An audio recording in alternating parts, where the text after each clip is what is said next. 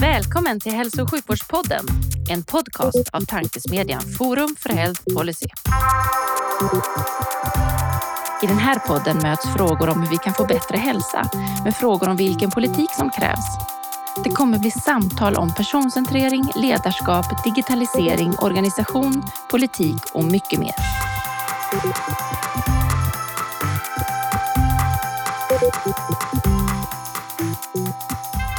Jag heter Magnus Lejelöw, arbetar till vardags på Läkemedelsindustriföreningen och är styrelseledamot i Forum för Health Policy. Dagen till ära sitter jag mitt emot Kalle Conneryd som är operativ direktör på Karolinska, eller Nya Karolinska som det brukar heta i folkmun. Varmt välkommen Kalle! Tack så mycket! Vi börjar som vanligt eh, med en faktaruta. Eh, det är lite som en fotbollspodd. Där har de alltid faktarutor. Så okay. vi vill liksom efterlikna dem lite. Mm. Så den första lilla nätta frågan eh, Eh, lyder vilket tycker du är det bästa sjukvårdssystemet i världen? Och varför? Oj, oj, oj. Det var, jag vet inte om det ryms i en faktaruta att resonera kring det. Men, eh, det, jag, tr jag, tror att vi i Sverige har ett ganska bra sjukvårdssystem och det är ju snarlikt eh, andra skandinaviska länder åtminstone i att vi har god täckning och ganska god jämlikhet. Eh, sen finns det ju exempel på sjukvårdssystem som eh, på många vis tycks mer effektiva. Där sticker till exempel Singapore ut. Men eh, det fungerar ju på ett vis som jag tror vi skulle ha svårt att smälta i, i vår kultur. Men plock, kan du plocka delar av det när du skulle vilja, om du skulle vilja ha en svensk hälso och sjukvård? Det tror jag. Man kan nog plocka delar från väldigt många olika sjukvårdssystem. Sen är inte jag säker på att det är eh, systemet som är vår största utmaning utan kanske snarare eh, vad vi bygger på systemet hela tiden. Poäng där. eh, om man tar en till eh, fråga på samma tema. Vilka är de tre bästa parametrarna att mäta och utvärdera i vården? Och, och varför just dessa tre? Ja, alltså eh, patientperspektivet tror jag är väl det enklaste, alltså det vill säga patientnöjdhet i olika former är det som eh, gäller nästan oavsett vilken typ av vård man bedriver. Och på det viset blir det ett attraktivt mått. Sen är det ju ganska ospecifikt. Och ska man prata om fler mått så, så är det väl Inom många sjukdomar så är ju mortalitet ett viktigt mått. Men inom många sjukvårdar, eh, sjuk, sjukhusgrenar eller sjukvårdsgrenar så är det snarare morbiditet. Och redan där börjar det bli betydligt mer svårmätt. Vad är det? Så, men det är väl eh, de tre då, om jag bara får välja tre. alltså, och det är en svår fråga i sig. Det är just en resonerande fråga. Det finns ganska mycket olika saker att mäta. Men man får ju oftast det man mäter. Så mm. det, är en, mm. det är en viktig del. Det, det vet ju du om om inte annat. Eh, två medskick till de som jobbar med att utveckla svensk hälso och sjukvård. Jag tänker mycket på framtidens vårdinformationsmiljöer som håller på att byggas. Vad är... Ja, jag, jag tror att man, medskicket är lägger i mycket mindre. Sluta tro att eh, stora utredningar, eh, grandiosa planer eh, är lösningen. Det är mitt största medskick. Vad synd, det är så fina 800 sidor som man liksom vill kunna ta tag i. Eh, den fjärde är med på temat patient. Berätta din finaste patientanekdot. Eller en fin patientanekdot. Oj, en, en personlig, alltså i min, eh, i min eh, profession som, som läkare eller någonting annat. Um, nej men det, eh, några av de starkaste minnen jag har är från min tid under utbildningen och det är ingenting jag sen har pysslat med nästan alls, men det är ju förlossningsvården. Det är väldigt, väldigt eh, häftigt att vara med när ett barn föds. Och eh, kanske ännu häftigare än när ens egna barn föds för att man då, då är man så fokuserad och eh, så orolig över en himla massa saker så att man, man, man, vet kanske knappt vad man håller på med. Men, men att som läkarstudent få vara med under förlossningar och det finns så mycket kring det där vi ändå inte riktigt förstår hur det går till i sjukvården och så kommer det ut ett ett barn. Det, det, tycker jag är en av de häftigaste upplevelserna. Ja, bra, en bra anekdot. Jag fick mycket bilder där framför mm. mig. Positiva när man tänker på sina egna barn. Eh, jag hoppas med det. Eh, för att gå lite bredare och tillbaka då, så tänkte jag titta från de fyra faktarutefrågorna. Vad, vad är din roll idag? Eh, jag är ansvarig för Karolinskas operativa förmågor på sjukhusnivå. Då, både sajten i Huddinge och Solna. Det inkluderar allt ifrån att eh, transporter och logistik fungerar till att IT-system och medicintekniska förutsättningar är vad de ska. Men till eh, det som jag väl kanske ägnar väldigt mycket av min personliga tid åt, eh, fördelningen av vårdleveransen eller vårdproduktionen till alla Karolinskas olika enheter. Och att tillse att vi helt enkelt genomför det uppdrag vi är ålagda att göra. Det är en bred roll det. Det är en bred roll. Vad är, vad är det roligaste i rollen? Nej, men det är väl att jag, jag tror att en sån här roll för att vara funktionell behöver vara ganska bred. Alltså tiden när man kunde betrakta MT eller medicinteknik som en del och IT som en annan och lokaler som en tredje, den, den är liksom förbi. Ska man eh, bedriva sjukvård i en lokal så behöver man tillse att eh, IT och MT-förutsättningar och de två är också eh, helt integrerade i stort sett fungerar. Så jag tror att man, man måste ha ett brett anslag. Sen är det naturligtvis inte så att det är jag som är experten på alla delarna utan det, det har ju jättemånga medarbetare som eh, hanterar åt mig. Men det är klart att det är eh, häftigt att få vara med och stötta att vården går i den riktning man vill. Styrningen på Karolinska utgår ju väldigt mycket från sjukhusets verksamhetschefer. Jag brukar se på det som så att de, de styr. Eh, Björn Svega pekar riktning och eh, jag stödjer de båda med de förmågor de behöver. Typ så. Ja. Mm. Spindelroll, det gillar man, mm. ju skarpt. Eh, första gången jag träffade dig så stod vi på en scen tillsammans och hade en brown bag lunch eh, för, för i, mitt, i, mitt gamla liv. Eh, och det var den mest välbesökta Brahma Lounge. Jag har aldrig sett så många som ville säga så mycket om, om Nya Karolinska. Både positiva och negativa saker. Eh, vad, vad, vad, är din känsla nu? Hur, har, liksom, har, har, stormen lagt sig eller hur, hur känns det utifrån ditt perspektiv? Nej, men alltså vi har väl vänt en stor del av den problematik som förelåg. Eh, skulle jag väl nästan påstå. Det var ju det var ju före min tid i sjukhusledningen också det, det du talar om och det var väl ungefär ett skede när jag började personligen få, få lite mer insikt i, i vad som fungerade och vad som inte fungerade. Jag tror att eh, vi nu har liksom kommit till ett läge där mer och mer börjar fungera och vi har gjort ett omtag i flera ganska stora frågor. Och nu snurrar ju hjulen på Karolinska eh, bättre än vad de har gjort på många år. Och det såg vi ju inte minst under covid pandemin. Eh, så mm, ja, jag, jag, tycker att det är en mycket, mycket mer positiv eh, aura runt sjukhuset, både internt och utifrån.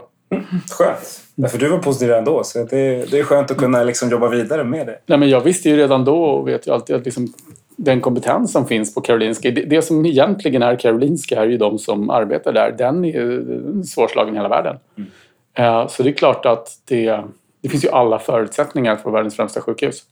Ja, och det är vi väl på väg att bli, om vi inte redan är det. Mm. Ja, det är bra. Det är helt rätt. Hur, hur hamnar du där du är idag? Vad, vad har du gjort tidigare för att, då att jag som operativ chef? Eller operativ direktör, förlåt. Låter byråkratiskt. Eh, jag, är, eh, jag började min bana som eh, molekylärbiolog eh, men fick för mig att jag skulle bli läkare innan den sista delen. Så jag examinerades aldrig utan pluggade då i London, flyttade sen hem till Stockholm för att läsa på läkarutbildningen på Karolinska institutet. Eh, Tyckte redan på första terminen att det verkade väldigt tråkigt.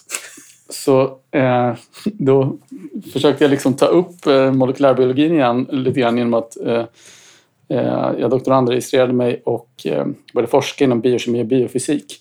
Så väldigt långt från klinik helt enkelt. Och sen så, så mm, gick jag ändå färdigt läkarutbildningen och eh, forskade parallellt. Ehm, efter att jag examinerat så var jag bestämd över att jag ska aldrig jobba som doktor i alla fall utan forskning kändes roligare. Så jag gjorde en postdoc. Men kom sen på att jag ändå borde pröva.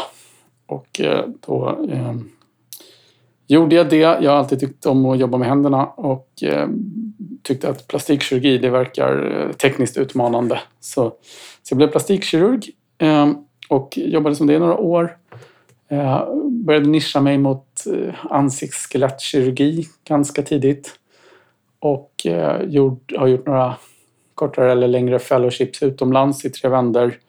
Sen blev jag ansvarig för en centrumbildning som heter Stockholms kraniofaciala center. Därefter verksamhetschef Och sen eh, så eh, kom Björn Sjöjaka till Karolinska och eh, då rekryterade han mig till den roll jag har idag. Så det är väl en kort version. Jag har också läst eh, ekonomi. Så att eh, jag har, har en viss sån bakgrund också, även om det är först nu jag egentligen börjar applicera de kunskaperna. Mm. Så då vet ni hur man gör om man vill bli operativ direktör. Det är en ja. rak bana. Det gäller bara att ogilla läkarvetenskapen men sen förstå att man gillar den. Så går det till. Ja, ja det, är, det är spännande. Vad, eh, Eh, det är svårt att ta vidare på något sätt. Eh, en, en sak vi brukar eh, diskutera med våra, våra panelister är hur skapar vi en mer patientcentrerad vård? Ja, den, den, frågan får jag jätteofta. Jag, jag gillar inte den frågan för att jag påstår att vården redan är patientcentrerad. Och dessutom så är det väl som med många sådana där begrepp, att de liksom urvattnas över tid. Så jag vet knappt vad det betyder idag. Men, men om jag tillåter mig att tolka det till att betyda liksom att patienten är med och beslutar om sin egen vård, då skulle jag säga att det, det har ju patienterna haft rätt till ganska länge och jag tror att de allra flesta inom vården eh, gör patienten delaktig i det där. Jag tror inte att det är något stort problem. Kan patienten ta större ansvar för sin vård? Om det, om det är det man menar med begreppet, då tror jag vi har en del att göra. Då tror jag att det finns patienter som är väldigt kompetenta att göra det och som vill göra det. Och där tror jag vi eh, kan göra mer i att skapa förutsättningar för det. Det handlar ju om allt ifrån att patienten då har tillgång till den information de behöver från sjukvården för att kunna ta ett ansvar. Eh, det handlar eh, därmed om liksom systemlösningar, applikationsutveckling och sådana saker. Och sen är det väl kanske lite också av ett mindshift för oss i professionen. Samtidigt i balansgången där att det är svårt att låta någon annan låta någon annan ta ansvar men eh, stå med det yttersta ansvaret själv. Vilket man ju ofta gör som, som doktor. Och en, läkare, en eh, patient förlåt, eh, är ju en lekman.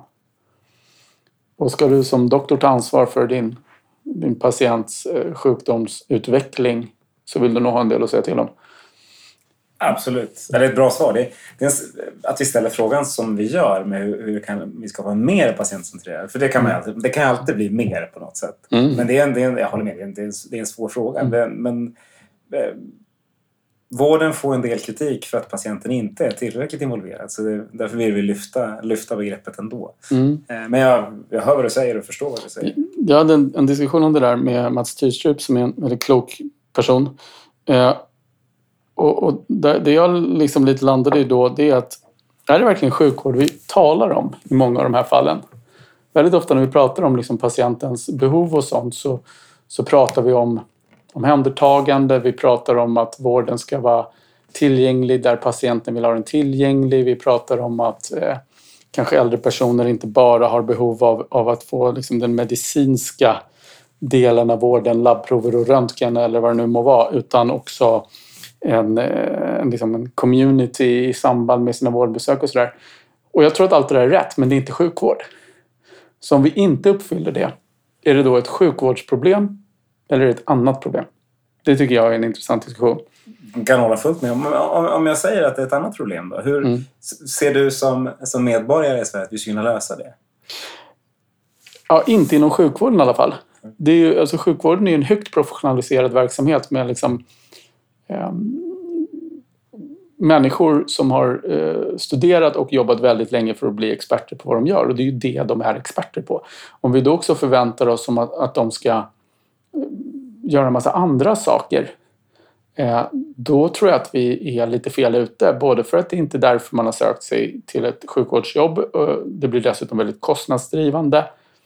Eh, så då tror jag att man måste hitta andra strukturer i samhället som kanske fyller de delarna. Men det är en diskussion som inte jag hör åtminstone pågår så himla mycket utan vi klumpar gärna in allting som har med välbefinnande att göra under rubriken sjukvård. Och så säger vi sen att äh, sjukvården lever inte upp till krav X eller Y. Men vi har inte funderat på, är det verkligen sjukvård som är problem här? Mm. Det, är nog så, det, är, det, är väl, det, det är lättare att skylla på samma person hela tiden. Ja. Men... Eller liksom, ja. Sen är det ju så att det finns ju en, en ny typ av krav från medborgare tror jag och eh, om man inte har någon tydlig instans att ställa de kraven eller att rubricera det så är sjukvård någonting som eh, liksom är ganska stort och per definition inte jätteväl avgränsat alltid och då, då hamnar det liksom under den parollen på något vis. Mm. Ja men så, så är det definitivt. Eh, om man tittar, du nämner läkarens roll idag eller vårdpersonalens roll, högutbildade. Mycket av den diskussion om framtiden som jag hör handlar om att AI ska ta över delar av det arbetet. Mm. Det vill säga den kunskapsinhämtningen, eller vad man ska säga. Mm. Eh, så att vårdprofessionen kommer att förändras framöver. Mm. Eh, fråga ett då, är det, är det, delar du den bilden? Och fråga två, om det är så, hur, hur ser du att man behöver utbilda sig annorlunda framöver? Eh, ja, jag delar väl den bilden. Sen är jag inte övertygad om att tidslinjen är så kort som många tror. Eh, det jag ser är på väg att hända just nu har egentligen ingenting med AI att göra utan det är mönsterigenkänning. Alltså algoritmer som känner igen ett skeende och då applicerar det igen. Det där, eh, lite som patientcentrerad går ofta under begreppet AI. Det blir för mig lite förvirrat för det är inte det det är. Eh, kommer, eh, och, och, i praktiken, man kan säga att många av, av vad de digitala vårdgivarna och så har blivit ganska duktiga på det är ju att, att eh, digitalisera akutläkarboken. Och har du ont i magen på sidan 6 så hoppar nästa fråga till sidan 18 och sen till sidan 22 och sen kommer diagnosen på sida 44. Det är ju ingen rocket science i det. Eh, men det är ett effektivt sätt att eh, kanske låta patienten själv söka sig igenom en akutläkarbok för att se behöver man ens vård. Det tror jag kan avlasta vården om man applicerar dem på rätt ställen. Samtidigt är det ju alltid så med sjukvård att det, är, det krävs ju väldigt högt mått av eh, säkerhet innan man implementerar något nytt. Man måste vara väldigt trygg med att det här är bättre än det vi hade. Och det gör att när, när man kommer till det stadiet att algoritmerna börjar ställa diagnos eller besluta eller till och med administrera behandling då tror jag att den tidslinjen är lite längre än vad vi tror. Eh, sen, då, då, måste man, när man diskuterar måste man också fundera på baksidan av, av, av det här och det är ju det att vi resonerar väldigt ofta som så att eh, kan vi förbättra tillgängligheten digitalt eller inte för patienterna så är det bara bra. Men eh, då är ju frågan också, skall allting vara lättillgängligt? Är man, om, man, om man är en, en medelålders eh, soffpotatis som, som du och jag kanske och så får man för sig att man ska springa ett maraton och sen får man ont. Eh, ska man då söka sjukvård på det ena eller andra sättet eller ska man gå hem och bita ihop i några veckor och eh, sen kommer det gå över. Så det är också det, gör vi det allt för lättillgängligt så kan det bli kostnadsdrivande istället och resursdrivande. Det, det där är en balans vi liksom, jag tror att man ändå måste fundera på när man applicerar nya eh, metoder.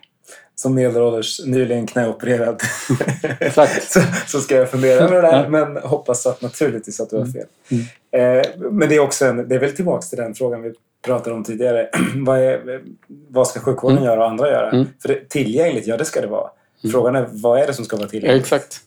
exakt. Eh, så ja, men, mm. bra. Och jag, och, jag, kan hålla med dig om, om, om bassen kring AI och inte. Men, mm. men, men när, man, när man ser det riktigt häftiga vad gäller igenkänning av eh, olika mönster inom patologin. Eller, mm.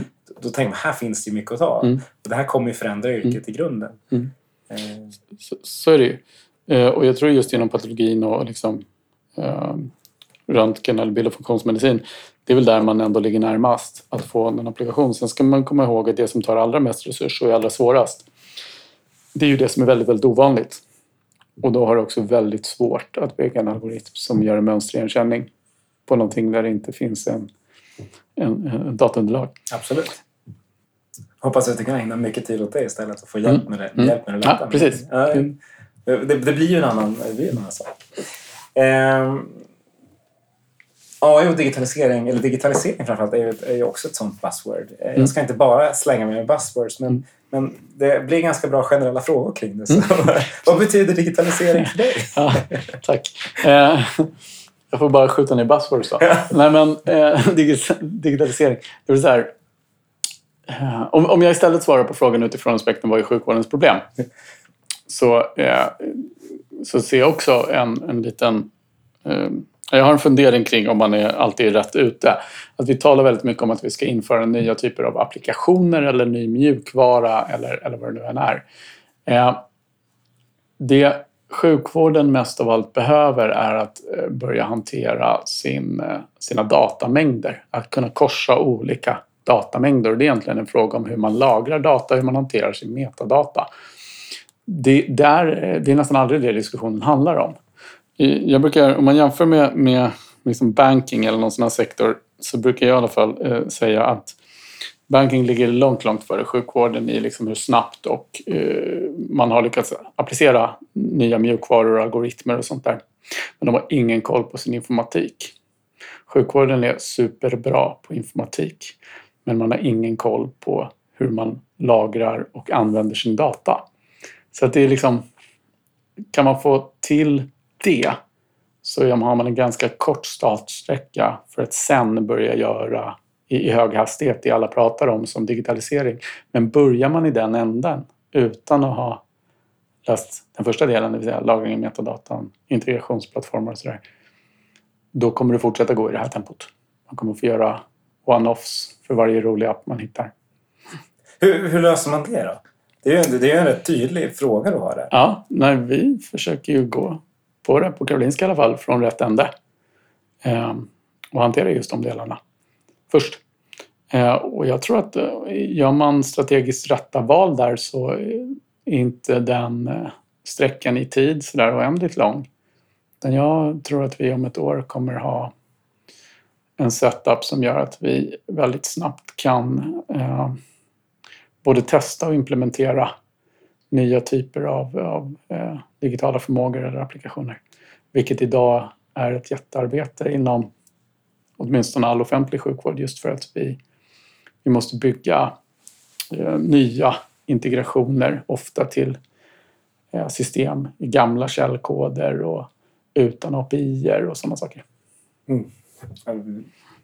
Du har helt rätt naturligtvis. Det, för, för, man vill ju komma dit. Här mm. vill man gärna ta en genväg. Mm. Eh, vi, vi, ser idag att eller, telefoner, vår telefon har mer koll på om en patient är på väg in i ett maniskt eller depressivt skov. Mm. Om man fick samköra lite data hade förmodligen kunnat hitta cancer tidigare mm. än vi gör. Det känns ju nästan oetiskt att inte få göra det. Ja, ja. Och samtidigt måste man ju ta det i rätt väg. Vad, hur, när, tror du vi kan, när tror du vi kan göra det? När kan vi använda, använda mer data? Ja, alltså det, det finns ju två... Eh, det, det, är inte, det är inte jättesvårt att, att eh, liksom räkna ut hur man skulle göra det. Alltså att, att uh, hantera IT-arkitekturen i hur man då bygger förutsättningarna för det här. Men uh, det, finns ju, det måste ju också finnas en vilja att dela data. Uh, man måste sluta snubbla över vad jag ofta tycker är liksom upplevda legala problem i det här. Det finns ju en, ibland så hör man resonemang som, som talar som om all data som har genererats på, hos en vårdgivare är känslig patientdata. Så är det ju inte. Det finns naturligtvis en, en massa data, journaltexten som, som en en doktor har, har skrivit kring en patient den är naturligtvis jättekänslig. Men det är inte den datan man behöver för att korsköra och förstå eh, ett sjukdomsförlopp baserat på historisk data för att sen kunna prediktera hur nästa patient kommer att, kommer att falla ut. Så där tror jag att vi liksom har en liten en resa att göra i att förstå vilken data är vilken och att inte behandla all data som eh, känslig patientdata. Det här var något man skulle vilja läsa. Jag kan, mm. kan mm. bara hålla med. Eh, en annan sak jag klamrar fast lite vid digitaliseringsdelen är att man vi vill, vi vill alla att patienter ska hamna på rätt vårdnivå eh, mm. oavsett om de är patienter eller personer eller vi, hur vi vill centrera dem. Mm. Eh, digital triagering eh, pratas ju ofta om som en nyckel till det. Att vi ska liksom få hjälp med, med den första biten och hamna rätt. Man ser exempel till exempel Babylon Health som har en ganska bra sån lösning. I varje fall ser det ut så om man tittar utifrån. Vad är, vad är, din, vad är din take på triagering eller digital triagering? Uh, nej, jag tror absolut att det kan vara ett hjälpmedel. Och, uh, men då, vi är lite tillbaka då i den här uh, tillgänglighetsfrågan. Att uh, om, om vi med den digitala triageringen menar att det, det, det är oerhört lättillgängligt och vem som vill kan kontakta en digital lösning och så fråga är jag sjuk eller frisk? Och så kommer de allra flesta då få triageras till att nej, du behöver inte åka till Karolinska just nu. Då har vi ju eh, sparat resurs gentemot om patienten istället hade åkt till Karolinska. Men vi har ju förlorat resurs gentemot om patienten inte hade ställt frågan någonstans. Absolut. Mm. Så det är ju det som är liksom frågan. Vi, vi måste, jag tror att det finns stora vinster att göra med detta. Men eh, vi måste börja tratten på rätt ställe. Sen tror jag återigen, eh, som vi också var inne på lite tidigare, att, att jag tror att det, det finns redan idag produkter som jag tror är ganska duktiga på att triagera vissa patientkorter eller vissa symptom. Liksom. Medan det är eh, vi är ganska långt ifrån lösningar som lyckas triagera de mest ovanliga patienterna och de, de mest komplicerade tillstånden. Så jag tror att i, i, i delar av sjukvårdssektorn tror jag det finns eh, en hel del att, att vinna. Mm. Men inte överallt just nu. Mm. eh, om vi tar oss därifrån, vi tar oss tillbaka till NKS lite. Eller KS eller vad? vad KS, KS. NKS är en byggnad. Ja, jag vet, jag mm. vet. Men själva, själva tematiken runt mm. det. Jag har läst Konsulterna, den här eh, mysiga boken om, om hur det var innan. Det var innan din tid eh, till, mm. till viss del. Men när du sitter på en, på en middag och får frågan, men hur är det där egentligen? Mm. Vad, hur, hur, argumenterar du för balanserat på, för, för allt, allt arbete som har gjorts och som görs framåt? Alltså jag får ju inte längre, eh, eller den typen av frågor så mycket. Mm. Utan nu är det ju mycket mer frågor om hur kunde ni klara det här under covid och jag läste att ni är tionde, världens tionde bästa sjukhus och allt vad det är. Så det är ju en helt annan typ av frågor.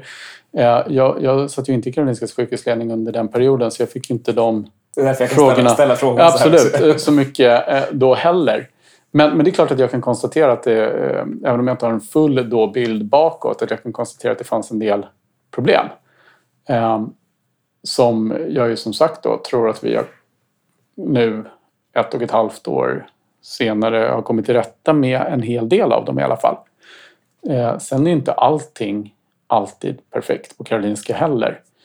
Men, men jag, liksom den bild som, som även jag ju såg i, i media och läste om, inklusive i, i den här boken och så, det är inte riktigt den, den bild som råder idag, i min uppfattning. Mm.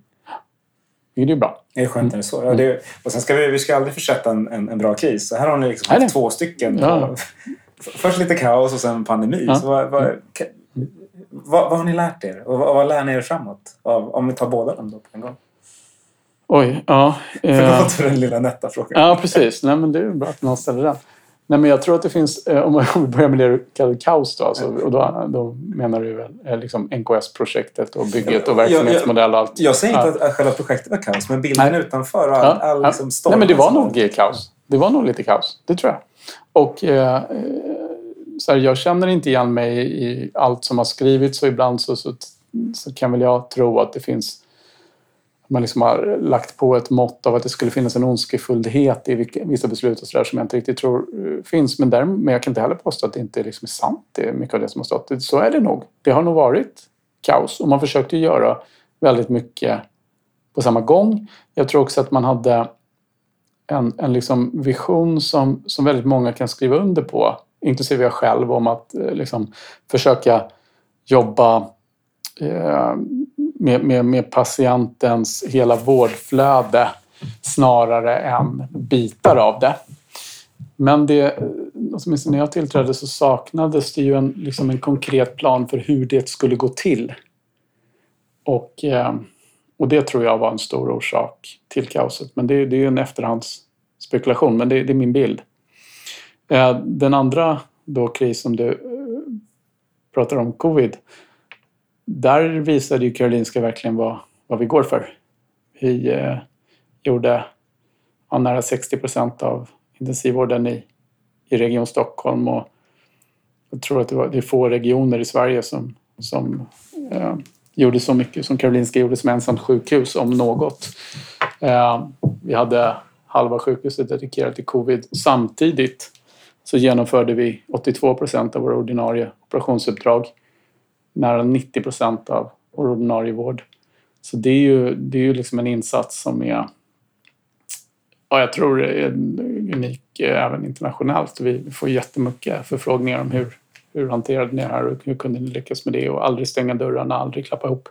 Så det är naturligtvis en enorm eh, boost för, för våra medarbetare som är de som de facto har gjort jobbet. Och, eh, men även för sjukhusets bild utåt, tror jag.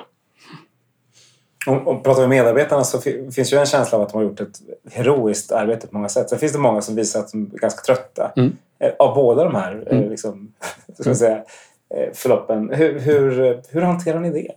För det måste ju vara en, en chefsutmaning eller organisationsutmaning som är utan ja. det vanliga, utöver det vanliga. Ja, det är det ju såklart. Och nu står vi ju för, inför en, en, en situation att det liksom eh, är lite mer covid-patienter nu än vad det var för några veckor sedan. Och vi tror väl att det, vi kommer ha några eh, liksom, toppar under hösten, inte så höga som i våras kanske. Så det är klart att det eh, finns en viss bävan inför det. Eh, det finns ju medarbetare såklart som med rätta är trötta och slitna efter den insats man gjorde under våren. Så är det.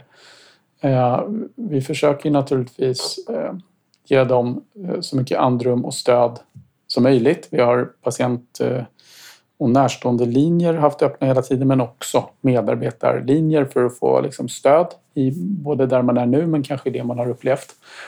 Sen är det ju eh, mycket av liksom chefsutmaningen som du beskriver här ligger på våra verksamhetschefer i att hantera det här. Det, det, tycker jag att de allra flesta gör på ett imponerande vis. Så, så jag vet inte, jag har inte något jättekrisp svar på frågan mer än att ja, det, det finns en trötthet hos vissa medarbetargrupper. Det finns, den blandas nog, precis som du säger, med en väldig stolthet över det man har gjort.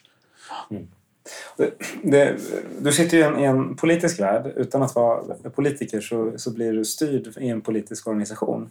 Eller he, hela ni som organisation blir styrd. Har du sett någon, märkt någon skillnad i hur det är att jobba i en politisk organisation i en kris som detta eller innan det? Ja, men det har jag väl. Alltså vårt, eh, framförallt gick ju allting väldigt, väldigt mycket fortare. Det var, eh, normalt sett så utreds ju väldigt mycket ganska länge innan man gör någonting. Nu eh, utreds det betydligt mindre. Eh, när man utreder mindre så måste man också förlita sig mycket mer på de som har den egentliga expertisen, vilket ju ofta är eh, vårdens medarbetare det var ganska framgångsrikt att bedriva verksamheten på det viset. Det tror jag att eh, inte bara vi utan även eh, åtminstone Stockholmspolitikerna också identifierade och såg. Så det finns ju nu flera initiativ i, i liksom regionbudgeten inför 2021 och, och eh, även i form av, av politiska initiativ från, från alla, alla politiska håll egentligen att försöka bevara ett mer ett mer decentraliserat kanske man kan säga styre och att lägga mycket av eh, utvecklingsinitiativen närmare vårdgivarna. det tror jag är bra. Jag tror att den här eh, krisen kan föra något gott med sig om vi kan åstadkomma det. Mm. Ja men tveklöst. Eh, en del i, i bygget, nu tar vi huset igen, mm. som ju är baserat på att ett antal andra sjukhus runt omkring skulle byggas upp och, mm. och komma i drift. Mm. Hur, det måste ju påverkats under pandemin. Eh, liksom den sjö, sjösättningen av Berga, Sollentuna, Jakobsberg, Nacka ja. och det som ja. ligger runt omkring. Ja. Eh, det, det, det är framförallt den geriatriska vården som byggdes ut precis innan eller var på väg, inte helt färdigställt heller. Det tror jag var en eh, himla tur för de äldre patienterna i Stockholm. Eh, vi hade också en väldigt bra Eh, så att säga, övergripande styrning via SLSO i första hand av den, den nära vården som det ju kallas. Så det, det fungerade bra under pandemin skulle jag säga.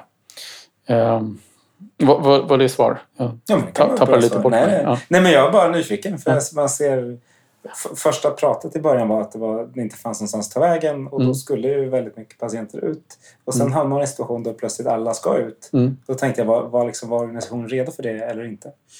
Ja, men det tror jag. Alltså, covid fungerade ju ganska väl. Sen ska man komma ihåg att alltså, det som en sån här kris innebär är ju att de normala vårdflödena minskade ju radikalt.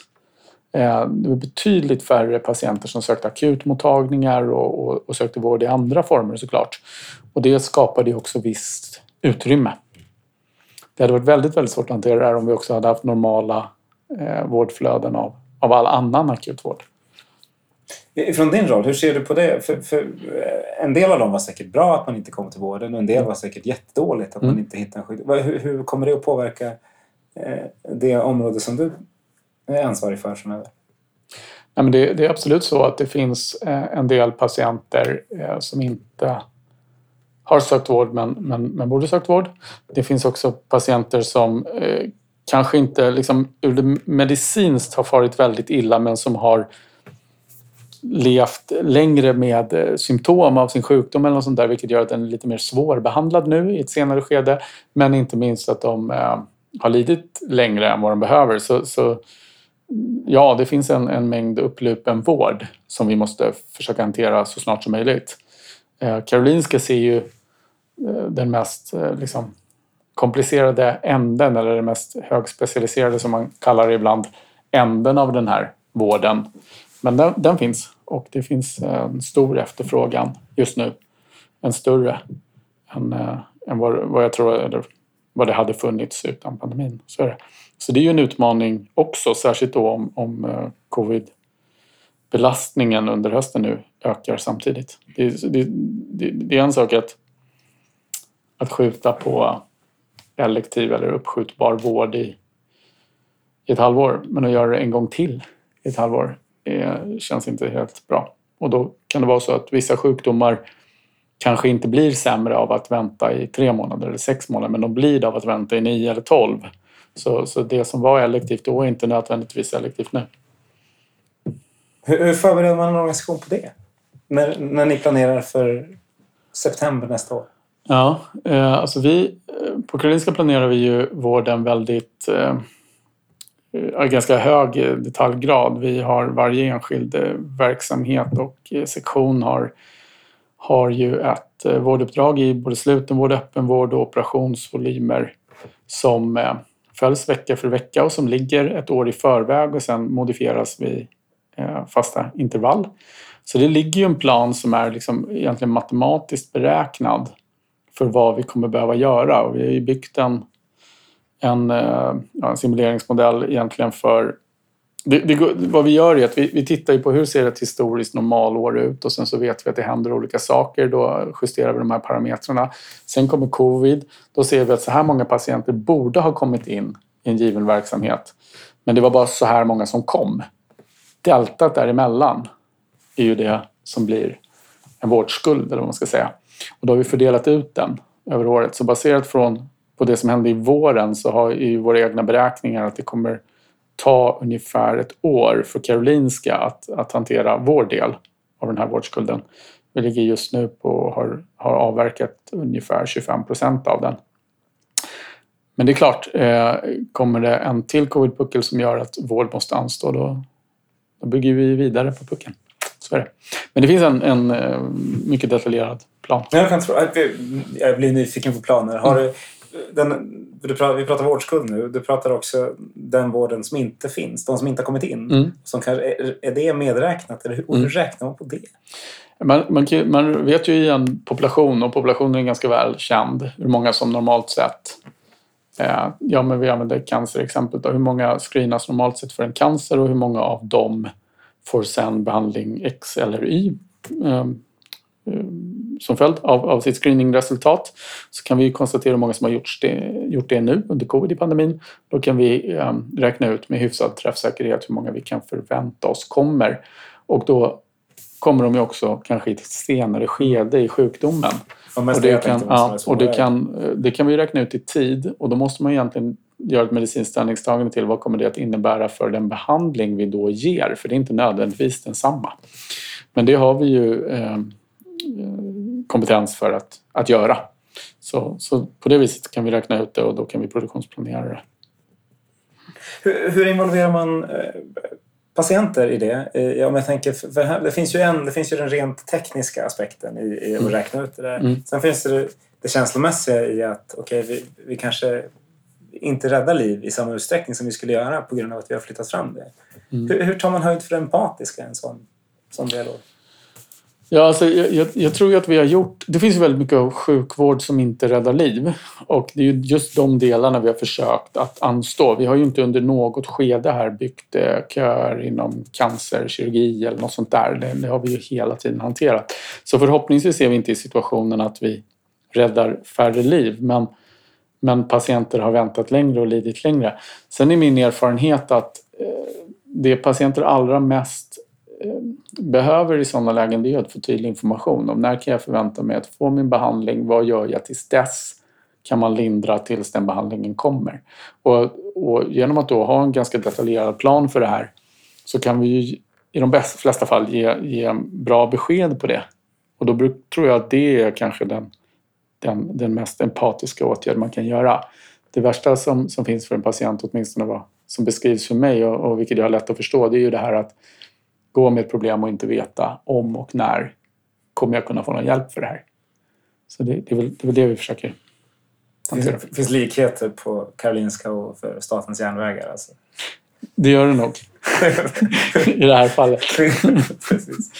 Eh, hur tror du svensk sjukvård har förändrats om tio år? Jag tror att, eh, jag tror att digital vård är ett större inslag. Eh, jag tror att det används bredare. Jag tror inte att det är så tydligt att man har digitala och icke-digitala vårdgivare som det kanske har varit de senaste åren. Utan jag tror att alla vårdgivare kommer eh, ha eh, ett vårdutbud där delar bedrivs digitalt och annat inte. Jag tror också att vi kommer samverka mer mellan vårdgivare än vad vi kanske gör idag och mellan regioner än vad vi gör idag. Det är nästan nödvändigt om man, om man tittar då på om vi pratar om byggnaden NKS till exempel. Landet har liksom inte råd att bygga hur många sådana byggnader som helst. Däremot så kan man ju få väldigt nytta av den infrastruktur som finns där om man delar på den. Så att eh, det tror jag kommer vara en nödvändighet. Ehm, sen eh, liksom hur, hur, eh, hur den medicinska utvecklingen sker och liksom hur mycket bättre vi blir på att behandla olika saker och sådär, det, det vågar jag knappt säga om. Det, ehm, är himla svårt att veta. Men förhoppningsvis bättre. Mm. Mm. Ja, det är precis. Vi blir nog bättre och mer specialiserade. Mm. Men det är en, som sagt det är en svårsidig utmaning mm. och hur man hanterar det. det är, eh, du pratade om, vi pratade om vårdsystem tidigare som du gillar och, och du, du, har en ganska, liksom, inte brokig, men annorlunda väg fram till, till där du hamnar idag. Vad, vad, har du haft för förebilder under vägen? Och vilka är dina förebilder idag? Oj, det var, det var svårt förebilder. Jag vet inte om jag har förebilder på det, det viset. Så när jag var liten så var Mike Tyson min idol men han, han gjorde bort sig sen. Eh, ja, den får du vara mer nöjd med 98. Ja, ja precis. Eh, förebild, nej men jag, alltså jag lär mig ju en himla massa av en massa människor runt omkring mig hela tiden. Jag har nog inte en, en person som som alltid har varit min, min förebild och som jag eftersträvar. Det, nej, jag kan inte komma på det.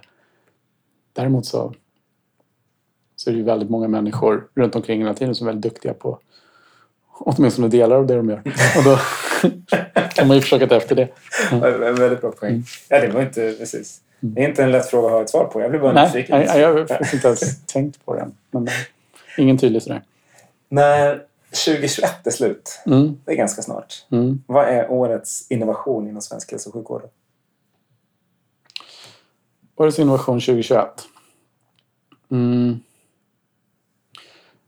Jag tror att vi, jag hoppas att vi mer storskaligt har kunnat behandla sjukdomar med, med cellterapi än vad vi gör idag. Det, det, jag tror att det finns en, en väldig potential där i. Det tror jag eh, kan vara en, en grej. Eh, den andra tror jag är att vi har börjat hantera vår, eh, våra fantastiska datamängder bättre och därmed kan använda dem för att eh, mycket effektivare styra sjukvården. Till exempel på, eh, hos stora sjukhus. Och det, vad jag menar med det är egentligen så att vi sitter på en guldgruva i Sverige. Det finns liksom inga, inget land nästan som kan mäta sig med den historiska data vi har i strukturerad form.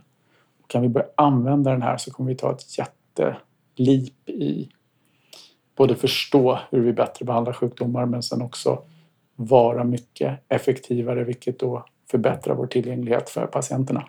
Så det, det hoppas jag också redan under 2021 att vi kan ta ett kliv mot. Ja, det är en jättebra sak.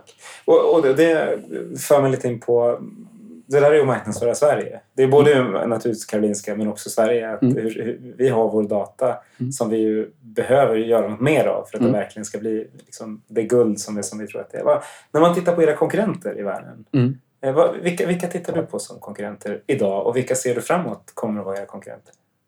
Alltså som, vi, våra närmsta liksom konkurrenter eller allierade, beroende på hur man ser på det, det, det är väl liksom, ja, men det, det är som Erasmus i Rotterdam. Eh, vi har eh, Mayo eller Cleveland Clinic. Eh, så det, det, är den typen av liksom väldigt eh, stora och duktiga sjukhus. Singapore General Hospital. Men, men, men sen är det de, de, skil, de skiljer sig alla åt ganska mycket. Erasmus är hyfsat likt Karolinska men annars är det ofta så att vissa av de här de har ju egentligen bara ett eh, elektivt uppdrag med eh, eh, för överenskomna patienter, inga akutvolymer. Andra har väldigt stora akutvolymer och så vidare. Eh, men det är väl de vi liksom har en hel del dialog med mm. och där vi försöker lära av varandra i det, det de respektive sjukhusen är duktiga på. för, för mig själv handlar det mycket om då hur kan man effektivisera och förenkla operations eller operativa förmågor så att vården kan ägna sig åt just det, inte så mycket annat. Jag tror just förenkla är någonting som, som svensk sjukvård kan göra väldigt mycket mer. Mm. Hur ser du på till exempel privata cancersjukhus som poppar upp i Finland och i Skåne och vad det, vad det nu är som, mm. som ju delvis är konkurrenter till er och på, på, på ett plan och ändå inte när du beskriver mm. vilka som är era stora konkurrenter? Mm. Alltså de, det, det är väl eh, jag vet inte. De är väl inte riktigt konkurrenter i Karolinska i första hand. Alltså det, det är på marginalen i sådana fall. Det finns ju fortfarande inga eh, privata cancersjukhus eller andra sjukhus som eh, verkar i mer än inom en ganska smal nisch och som kan mäta sig med, med Karolinskas infrastruktur. Det är en enorm investering. Det finns ju inga, inga liksom, av de här privata sjukhusen som har den intensivvårdskapacitet, ECMO, hybridsalar, liksom, HBO-kammare och allt vad det är vi har för de patienter som kanske är allra, allra sjukast eller, eller så. Så jag, jag, jag, betraktar dem inte riktigt som konkurrenter. Däremot är det ju intressant att, att följa vad, hur det, vad det kommer att resultera i. Är det bra för patienterna eller är det inte? Det finns ju flera aspekter på den, den frågan. Det är naturligtvis att det, det är bra med större tillgänglighet. Det är bra om de är effektiva. Men samtidigt om, om resultatet är att andra vårdgivare därmed blir mindre effektiva eller att det blir konkurrens om personal och sådana saker, då är det inte säkert att det är lika bra på totalen. Så. Jag känner mig inte orolig ur Karolinskas perspektiv för den konkurrensen, är väl det korta svaret. Eh, däremot så tycker jag att det ska bli intressant att se hur man liksom i sådana fall samagerar med, med den typen av vårdgivare inom ett eh, ett offentligt finansierat system som vi både Sverige och, och, och Finland har. Ja, för du nämnde ju tidigare konkurrenter slash allierade och det är ja. precis som ja. man, man, vill se det. Ja. Eh, vi har nu suttit och, och, pratat i 50 minuter ungefär. Uh -huh. eh, tiden går fort när man har roligt mm. och snart har folk sprungit klart sin mail. Sådär. Mm. Så, så, är det något du tycker att jag har missat att, att prata om? Något när jag kom hit så var det här vill jag prata om. Ja. Nej, det, det, tycker jag inte på rak arm. Jag tycker det var, det var spännande frågor. Du har ju ställt en del av de där svåra frågorna som man bara touchar på annars. Så det, det är kul. Kul, vad härligt. Ja. Är, det, är det någon annan du tycker jag ska intervjua eh, i Forum för Health Policies vårdpodd? Mm, vem tycker jag du ska intervjua då? Jag har en hel lista på enormt drivna och duktiga verksamhetschefer på Karolinska som jag tror det vore väldigt intressant att intervjua för att just eh, höra mer om, alltså den röst som ibland saknas lite i de här sammanhangen kan jag själv tycka det är den som de facto styr vården. Och det är de. Mm. Så du kan få en sån lista med. Schysst! Ja, för de är ju ytterst aktuella just nu också. Mm. Det, det, låter mm. som en intressant lista att mm. beta igenom i någon slags snygg ordning. Mm. Eh, men då tackar jag så varmt mycket för att du kom, eh, Kalle. Och tack alla ni som har lyssnat eh, hela vägen till milens slut. Här. Hoppas att ni har en jättetrevlig helg. Tack!